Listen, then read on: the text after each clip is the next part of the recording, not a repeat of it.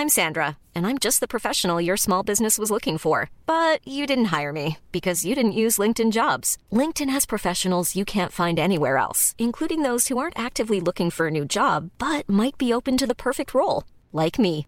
In a given month, over 70% of LinkedIn users don't visit other leading job sites. So if you're not looking on LinkedIn, you'll miss out on great candidates like Sandra. Start hiring professionals like a professional. Post your free job on linkedin.com/people today. Life is full of awesome what ifs, and some not so much, like unexpected medical costs. That's why United Healthcare provides Health Protector Guard fixed indemnity insurance plans to supplement your primary plan and help manage out of pocket costs. Learn more at uh1.com.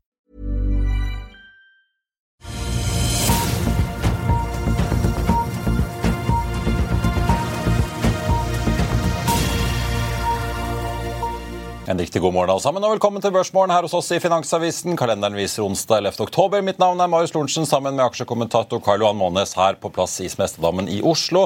Dagens gjest er DNBs valuta- og renteanalytiker Ingvild Borgen på en dag der de amerikanske rentene ser ut til å ha kommet litt ned etter mye oppgang den siste tiden. En britisk varehuskjede gjør sitt inntog i XXL, og Multiconsult sikrer seg en milliardavtale med Statnett.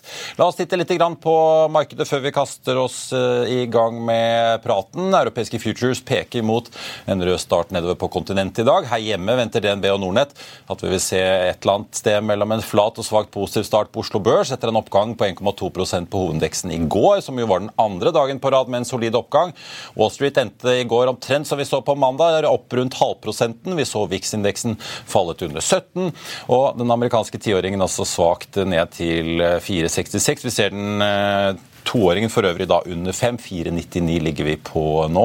Det amerikanske obligasjonsmarkedet var jo for øvrig da stengt på mandag.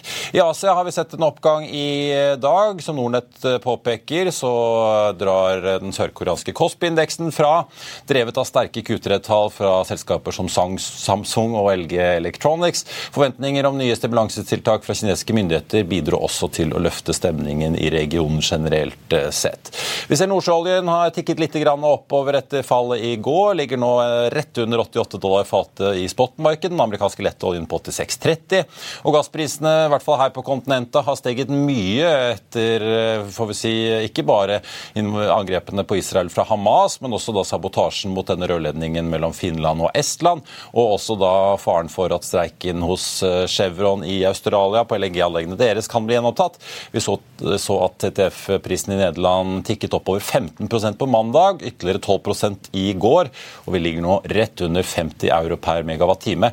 Litt avhengig av hvilken kontrakt du ser på selvfølgelig. Det er likevel sånn at prisutslagene i gassmarkedet foreløpig ikke skaper noen stor dramatikk i kraftmarkedet. Det påpeker i hvert fall Tor Reier Lilleholt i Volue Insight. Mer om det kan du lese på fa.no. Jeg nevnte Multiconsult. De melder om at de har blitt nominert til to rammeavtaler med Statnett for utvikling av kraftoverføringssystem i Norge. Kontraktene løper over fire år og er estimert å være verdt over en milliard kroner. Norand Drilling, riggselskapet Jon Fredriksen som driver på land i Texas og i Permian, er ute med sin månedlige oppdateringer. De kan glede seg over at en av de tre riggene som har vært i opplag, nå er på vei ut i arbeid fra midten av oktober. Samtidig så blir det én dollar sendt mindre utbytte for oktober enn i september, hvor aksjonærene da fikk fem dollar sendt per aksje. Vi merker oss for øvrig at snittraten har falt fra litt over 30 000 til 28 800 dollar per dag i snitt da i oktober. USAs president Joe Biden ventes å annonsere støtte på opptil 7 milliarder dollar til hydrogenprosjekter i USA denne uken. Det melder Bloomberg. Verdt å følge med på Nell-aksjen der, altså. Den steg da 6,6% i eh, går. Ellers får vi også ta med at Norwegian hentet inn noe av det tapte i går, steg nesten 4% SAS, som jo er verdiløst, både ifølge de som følger selskapet og selskapet selv, som følge av restruktureringen, steg hele 32% Og så har vi jo da også forsvarsaksjene som roet seg litt, selv om vi så at Kongsberg her hjemme i hvert fall fortsatte å tikke litt opp over. Og så er det Philly Shipyard som jeg bare tenkte å nevne til slutt. De endte opp 35,9 i går etter ryktene om at han var Ocean. Kan være interessert i å kjøpe det Philadelphia-baserte verftet der Aker er storaksjonær. Han var Ocean er da tidligere kjent som DSME, eller da Daevo. Så får vi ta det. Karl-Han, skal vi begynne? Vi må bare ta en kort korreksjon før vi kaster oss over XXL. Vi snakket jo om at uh, Norske Skog hadde solgt uh, fabrikken sin i uh, Tasmania i går. Men det var stengt Tasman-anlegget i New Zealand. Har det er en til. Ja, De har jammen meg en til. Boyer-fabrikken i Tasmania, den har de fortsatt. Ja, så var, Vi skulle jo reagert av 70 millioner kroner. Det var litt lite. Eh, det liksom, Jeg tenkte litt på det. var liksom, Men det, jeg tenkte sånn at ok, privat eie og ok, nå eh, holdt ut oss for dette her. Det er jo ikke mer omtrent sluttpakken til den tidligere sjefen i Norske Skog som gikk av samme dag fra Statkraft eh, på 70 millioner kroner. Ja, nei, men da du sitter på toppen av Statkraft i 14 år, så må du vel få litt igjen? Ja. Men du, fra spøk til alvor, skal vi snakke litt om eh, når vi har korrigert oss på den, skal vi snakke litt om eh, XXL, som jeg ser nå sikringen har gått, for den står til å starte opp veldig veldig kraftig. Frazier Group i Storbritannia har flagget eh, et eierskap på 9,75% men litt over 12% av stemmene. Ja, Dette er jo Mike Ashley, eh, som eh, er hovedeier i Fraser Group. Han eide jo før Newcastle United minst populære mann i Newcastle. Han, eh, etter at han eh, skifta stadionnavnet fra St. James' Park til eh, sportsdirect.com Stadium. og det, Sånt gjør man jo ikke ustraffa. Så han har jo blitt kjøpt opp av saudi-arabere der, og nå tror jeg han kommer til å komme til Norge. De, han har jo billige butikker. da. Når du går inn i butikkene, så er det sånn du må jo åle det mellom, mellom rekkene. da. Så Hvis han har vært i Norge og sett på butikkene, så ser han jo det at man trenger mye mindre areal Og, så det, det, blir enda en billig butikk, da, sannsynligvis dette her. ja, for Tror du XXL kan bli kjøpt opp? Altså dette er jo, ja, Frasers Group er jo mer enn Sports Direct. De har jo alt fra interiørmerkevarer og moteklær og alt mulig rart, men uh... Om det ikke blir kjøpt opp, så han vil jo sakte, men sikkert øke sine eierandeler. Du ser jo aksjen spredt opp nå. Han vil jo sikkert da gå til 33 og til 45 Det er jo ingenting. Sant? Eh, markedsverdien XSL var jo under en milliard i går på børs. Eh, Fraser Group er verdt 50 milliard kroner, så for han så er jo dette ingenting. Og Hvis han får muligheten til å komme inn her og restrukturere dette her, så tror jeg alle de andre som har billige butikker, da, som eh, Sport Outlet og, Gjelsten, de bør jo redusere, trappe litt litt ned på dette. her. Mens Gjelstens andre butikk, Intersport, vil jo blomstre dette. Og alle kvalitetsbutikkene vil jo være uforandret. Alle altså Norrøna og alle, ja, alle de som har kvalitetsbutikker, vil jo være uberørt. Dette viser at de går ned, men uh, det, er ikke noe vits i å prøve å Det kommer mer konkurranse på billigvarer. Billig, billig det er jo min konklusjon på dette. Men Er dette et tegn på at uh, det nå begynner å skje ting? Kanskje noen er på bunnfisk i varehandelen, som jo har hatt en ganske krevende periode. Forbrukerne strammer inn rentene, som vi skal snakke med Ingvild om etterpå har jo økt kraftig. og Vi har sett at uh, mye forbrukervarer som var veldig populært under pandemien, uh, kom fort i disfavør. XXL er jo ikke det eneste som sliter. Elektroimportørene er åpne på at det er tunge markeder. Ja, men jeg tror XXL er veldig spesielt fordi de har, hatt, de har så store butikker og stor jaktavdeling. Så hvis du snakker med folk innen eh, sportshuset, sier de at det er jåleri å ha en stor jaktavdeling bare for eieren er opptatt av jakt. Det, er, eh, det selger ikke. ikke sant? Det er, eh, så det, det, det, er utrolig mange enkle ting som kan gjøres. Men om vi har bruk for enda en billig butikk, eller om du bare eller rett og slett går inn og stripper hele greia og selger og legger ned, jeg vet ikke hva han har tenkt å gjøre. Nei. Kanskje han tenkte å komme og ta. Jeg vet ikke. Men hvis du sitter der som XXL-aksjonær, nå har de jo tapt over en milliard de siste tre kvartalene. Freddy Sobin har kommet inn som ny sjef og er jo i full gang med å prøve å snu dette her. men hva gjør du da? Skal du kaste deg på den kursoppgangen som vi kanskje får i dag, og, og selge og si farvel, eller Nei, er det muligheter altså, de, de, for å de, de, som har sittet der, må jo fortsette å sitte der. Det er jo, og, og, det er jo bare å kaste seg på toget her. altså. Han, eh, det er jo ikke, For aksjonærene er jo dette veldig bra, men for de ansatte er jo noe annet. Det blir jo, og de som leier ut lokalene, er jo noe annet. Så det, det vil jo bli eh, færre lokaler, mye mer varer inn i lokalene. Han kan jo det er billig han kan. og og Det er jo ikke noe sånn high end luksus eh, sportsutstyr i, i, store områder i UK. Det er jo altså det som selges av luksusvarer der borte. Altså, det det fins ikke noe sånt som eh, liksom disse luksusbutikkene i Norge. Altså, det er ikke så intensivt på fritidsutstyr. Han kan jo ingenting om det. vet du. Det, det, når de reiser til Alpen, så leier jo de ski, de leier jo alt utstyret. og Det er jo ikke det, jo ikke det samme. Så det, det er ingen, ingen, ingen illusjon om han skal komme inn og konkurrere i high end-markedet. Det kommer ikke til å skje. Nei. Nå får vi se. Det har ikke kommet noen melding fra Fairchers utover selve flaggermeldingen, hvor de for øvrig skrev feil. De skrev at de hadde kjøpt i september, men det var jo i går de hadde kjøpt aksjen. Ja. Ja. Eh, aksjen for øvrig opp 47% ser det ut til nå fra start, men de sliter litt med å få krysset kjøpere og selgere, vi får se hvor det ender opp. Hovedveksten så vidt i pluss fra start. Jeg tenkte også kort bare innom eh, børsnotering. Jeg hører at det kanskje kommer en børsnotering på Oslo Børs neste uke, så får vi se hva det blir til. Men du noterte at eh, Birkenstock-IPO-en eh, på den andre siden av dammen eh, har blitt priset nå? Ja, det er priset til det høyeste skonummeret. det er 46 dollar. Så det var, men jeg så rangen var 44 til 49, da, så de har ikke bare gått etter skonummer her. Da, Det er ikke bare herresko du men, de kjører på? Nei, og, og de som i UK og, UK og i USA, så er jo ikke de så eh, inne i de europeiske skonummer som eh, vi er. da, så det, Der går det mer i 10 og 11 og 12 og sånn, så det, det er tilfeldig. Men det er jo litt morsomt, da. Eh, 46. Litt, litt, litt sånn finansmoro skal vi ha det. Men du påpekte at prisingen sammenlignet med f.eks. Nike, den er ganske Ja, dobbelt- hårete. Dobbelt så høy. Og, og Nike selger jo 800 millioner par eh, med sko i året.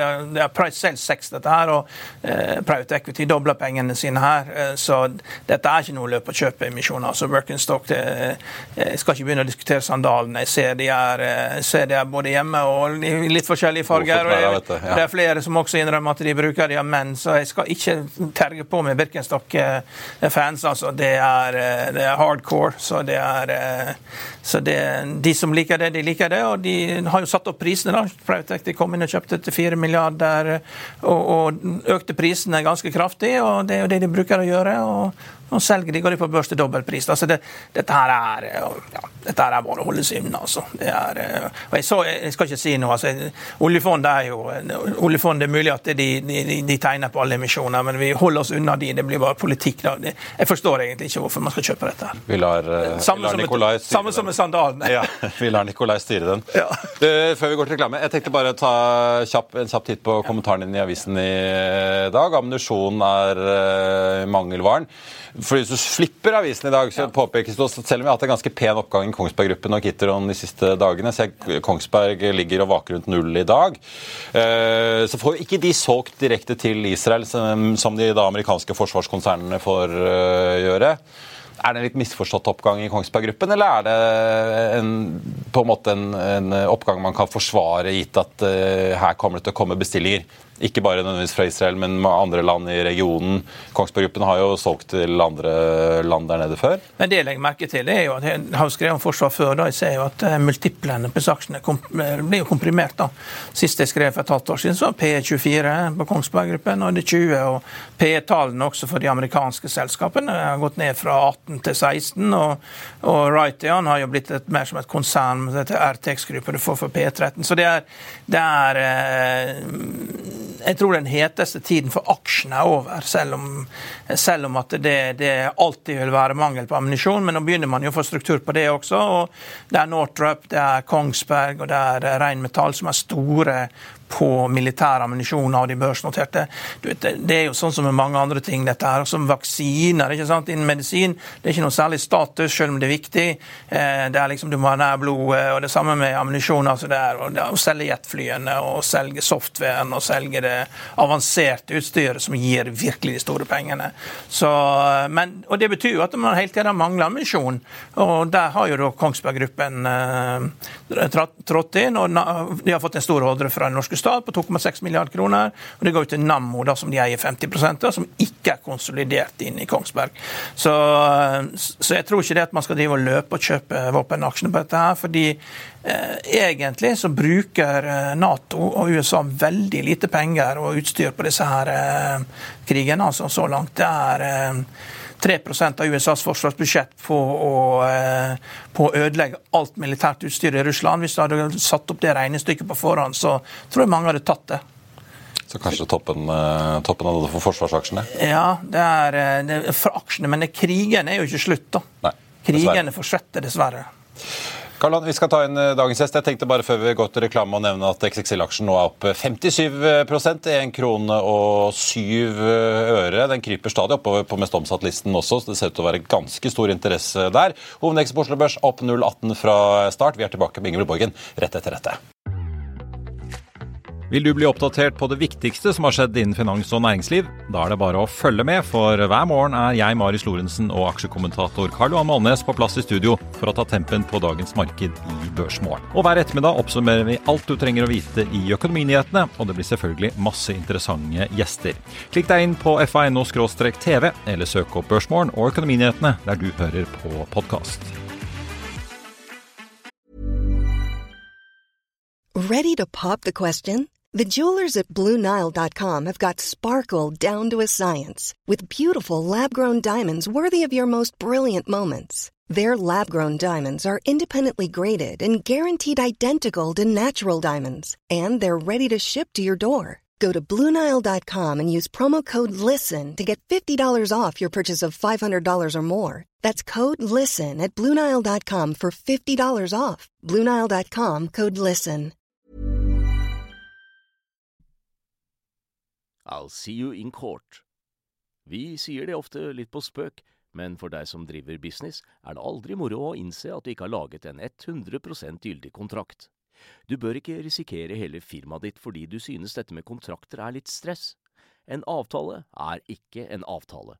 Du kan miste kunder, miste venner, ja, til og med miste inntekter om du ikke lager en skikkelig kontrakt, på alt mulig, egentlig. Men vi vet det er et styr. Kopimaskiner, tregprinter og haugevis av papir. Dessuten stoler vi jo på folk her i landet. Det er ofte litt kleint å skulle be om en signatur for alt mulig, ja, for mye av styret handler også om jakten på underskriften. Det finnes en enkel måte å løse dette på, Dukkobit, en trygg, effektiv og get this, gratis måte å sikre seg en god natts søvn pluss en juridisk bindende avtale.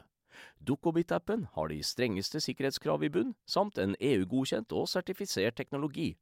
Framover vil det bli behagelig å spørre du, skal vi skrive under på det, eller? Kom i gang på dukkobit.no.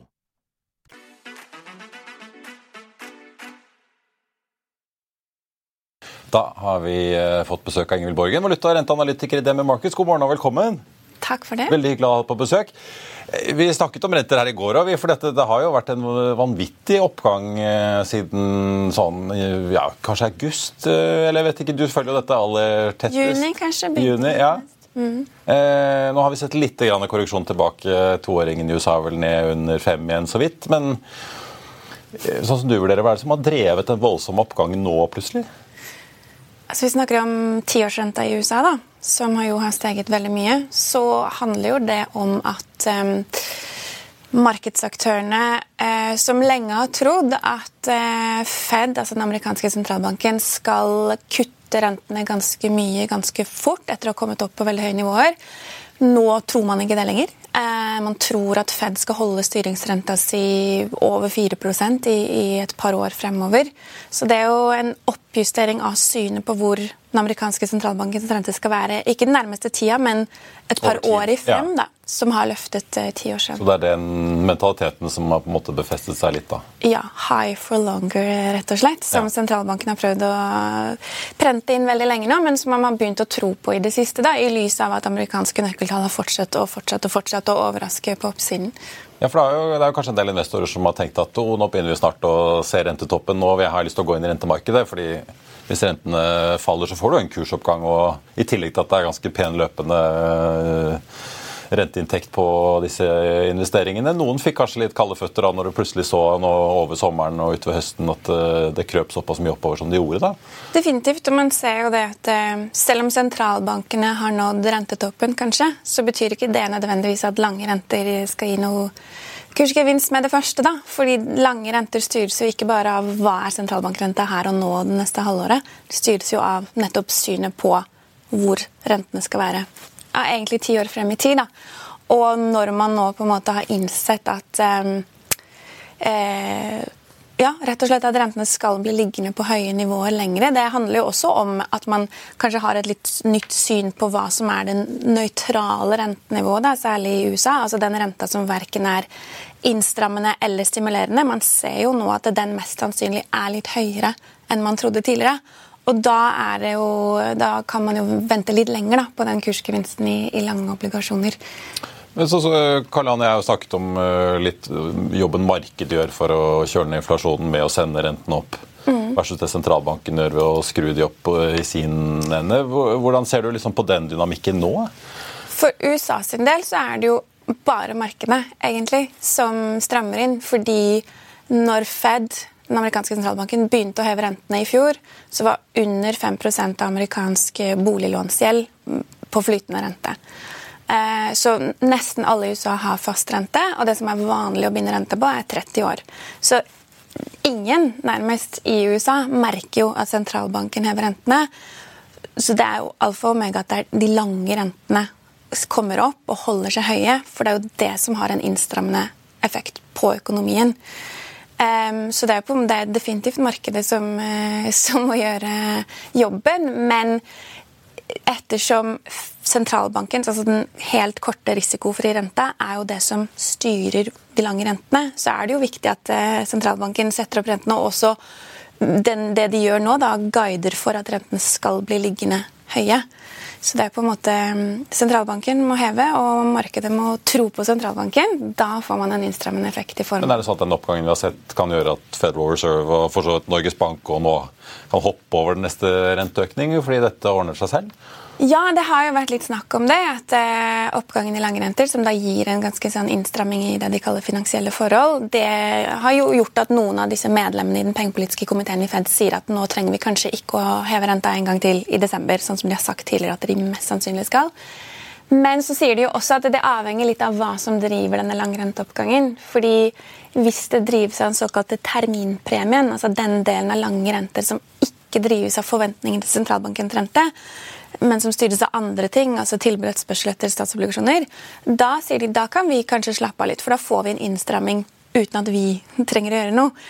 Men, men hva, hvor mye som dreves av denne terminpremien ikke, det er jo egentlig ganske vanskelig å si noe om. Vi mener at det er bare renteforventninger som gjelder her, og at sentralbanken sånn sett ikke kan slappe av eh, helt ennå. da og, og, på en måte belage seg på at markedet gjør jobben for dem.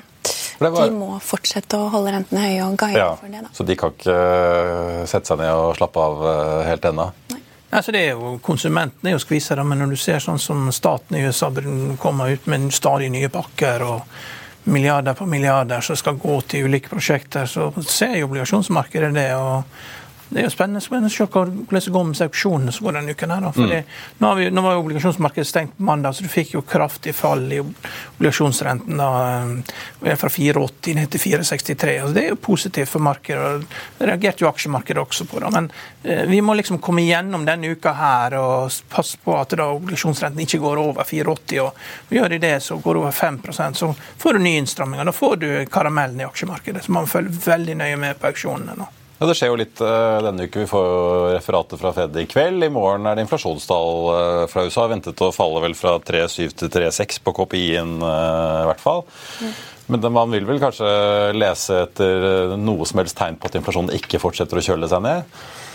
Ja. Um, altså Mest sannsynlig så gjør den jo det. For det er jo fall i vareinflasjonen som, som trekker ned inflasjonen nå. Um, men det er jo ikke dermed sagt at selv om inflasjonen faller, fortsetter å falle og faller mer enn ventet, f.eks., at det betyr at uh, jobben er gjort for Fed sin del. For det har jo sentralbanken snakket om lenge, at denne, dette første fallet i inflasjonen det er, lette, det er, den lette, delen. Den vanskelige delen kommer jo litt lenger frem i tid. Eller land, eller, ja. Ja, som hvor inflasjonen er jo ventet å holde seg på høye nivåer ganske lenge. Både som følge av at lønnsveksten har kommet opp såpass mye, og som følge av mer strukturelle forhold knytta til energiomstilling, knytta til deglobalisering. Så, så ja, inflasjonen er jo ventet å komme mye ned nå. Men så lenge den holder seg høyere enn sentralbankens mål over tid, så er så er på en måte ikke Ja. Så må de fortsatt være i innstrammingsmodus da, i en god stund. Så, men markedet har jo tendert til å reagere veldig mye på inflasjonstall. På oss særlig, også på, på nedsideoverraskelser. Så rentene vil nok helt sikkert kunne komme ned hvis det skjer denne uka også. Men hvor mye mer kan det gå oppover? da? Nå har vi jo 30-åringen du var inne på de veldig lange rentene, den så vi passere fem så vidt eh, tidligere. Nå er vi vel nede på 4,80. Tiåringen ligger og vaker, eh, har jo vaket til rundt fem også. Eh, men kan de, liksom, kan de gå et prosentpoeng til hvis, bare på forventninger, eller er det Nei, altså, Mitt syn er jo at det, dette drives av renteforventninger. Det har dette med Det er jo ekstremt mye prat om dette med økt tilbud av amerikansk statsgjeld. Fed skal ikke kjøpe noe mer av det. Kina kjøper ikke mer av det. Er det noen som sier det gjør de, men det er veldig mye fokus på akkurat det med tilbud og etterspørsel. Som viser Det har egentlig ikke så stor effekt. Eh, har ikke pleid å ha det historisk, og har det ikke nå heller. Så men selvfølgelig, det kan skje. Det kan jo skje at man plutselig begynner å bli kjemperedd for at eh, den amerikanske staten ikke skal klare å betjene gjelda si. og sånn negativ sentiment rundt det, det vil jeg si er en oppsiderisiko da, som kan gjøre at tiåringen kan stige. Si 1 prosentpoeng til. da. Men sånn jeg vurderer det, så er det ganske lite sannsynlig. Det er renteforventninger som er viktige. De har kommet kjempemye opp. Eh, både her og nå og litt frem i tid. Så det er begrenset hvor mye mer de kan stige. Og da er det også begrenset hvor mye mer tiåringen kan stige. Helt sikkert opp til 5% eller, og over det også. Men mye mer enn det bare på renteforventninger, det tror jeg ikke er så sannsynlig. Så vi tror jo lange renter skal ned i tida ja. fremover. Vi har jo sett Jamie Dimon i JP Morgan eh, ja, de kommer jo... Bruker liksom punktene sånn fem, seks, syv oppover om liksom hva, ja, hvor ille det kan bli. Ja, og de kommer med masse bankresultater på fredag. Den gode nyheten er jo at da er det helg rett etterpå, så vi får absorbert hvor, hvor hardt de er skvisa. Da. Men det er klart det er jo ingenting som får rentene raskere ned enn vi får en nedgangskonjunktur. Men så lenge staten bruker penger sånn som de gjør, så er det ikke så lett å få til det. Da. Så de, Staten presser jo opp renta. De jobber jo mot seg sjøl, men det er jo tydelig at de har høyere politiske mål om å reindustrialisere USA. Da. Det virker som å være viktigere enn å få ned renta, egentlig. Ja. Ingvild, eh, bare til slutt. Vi, så, vi, fikk jo disse norske inflasjonstallene her i går, som jo mye takket eh, mat og strøm, ifølge SSB i hvert fall. fatt jo veldig mye hvis du ser på KPI-en, var vel ned fra 4,8 til 3,3. Kjernen fortsatt ganske mye høyere på 5-7, men eh, likevel. Kronen svekket seg jo litt i går. Så snakket jeg med kollega Ara Haram, som kan makro ordentlig her på huset. Som påpekte at det er, jo, er nok bare at markedet da tenker at Norges Bank kommer kanskje ikke til å øke renten i desember, som de har vært veldig tydelige på at de tenker at de skal gjøre. Ja, altså markedet liksom, Kan du si litt om liksom spillerommet Norges Bank har? da, tross alt? Eh, de er jo en liten sentralbank i en stor eh, sentralbankverden her. Ja, eh, det avhenger nok litt av hva som skjer ute, definitivt. Men altså Inflasjonstallene kommer jo ned. Vi vi mistenker jo kanskje at det kan komme litt opp neste måned igjen. Fordi som du sier, det var mat og klær da, som, der prisene falt mer enn normalt. Og det kan jo ha vært revet delvis av den svake krona. Eh, eller unnskyld, det, der kan jo den svake krona spille inn og gi litt oppgang fremover. Så, og markedsaktørene er jo nå mer på 50-50 om det kommer en heving eh, eller ikke. Um, så, og vi holder en knapp på at det kommer en heving til.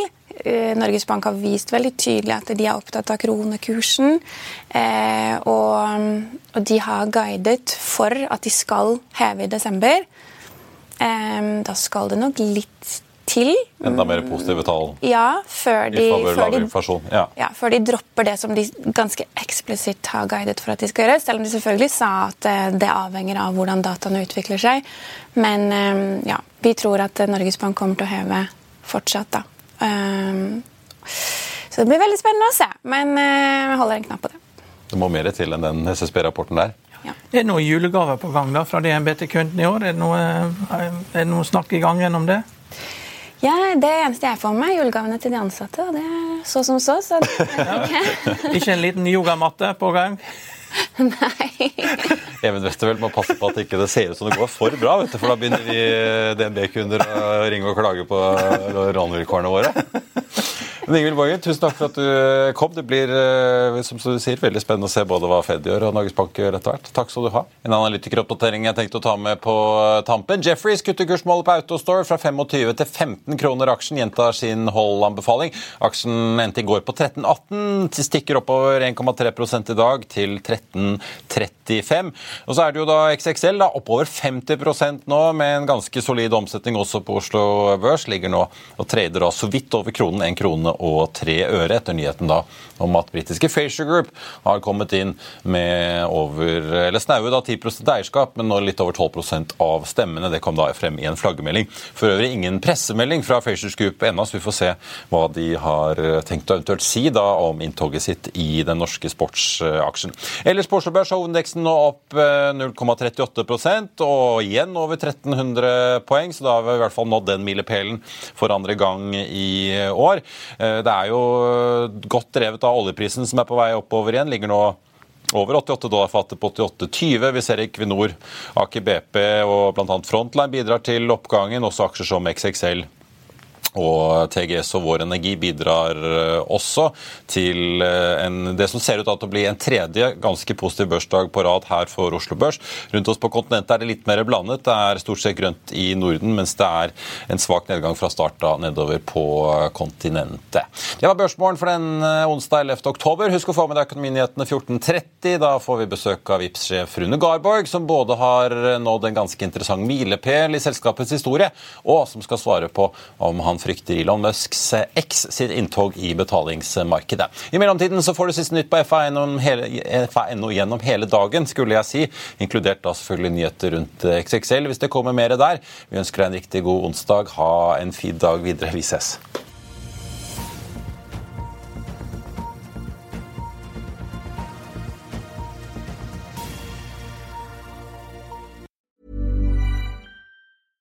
Imagine the softest sheets you've ever felt. Now imagine them getting even softer over time. That's what you'll feel with Bowl and Branch's organic cotton sheets. In a recent customer survey, 96% replied that Bowl and Branch sheets get softer with every wash. Start getting your best night's sleep in these sheets that get softer and softer for years to come. Try their sheets with a 30-night guarantee. Plus, get 15% off your first order at bowlandbranch.com. Code BUTTERY. Exclusions apply. See site for details.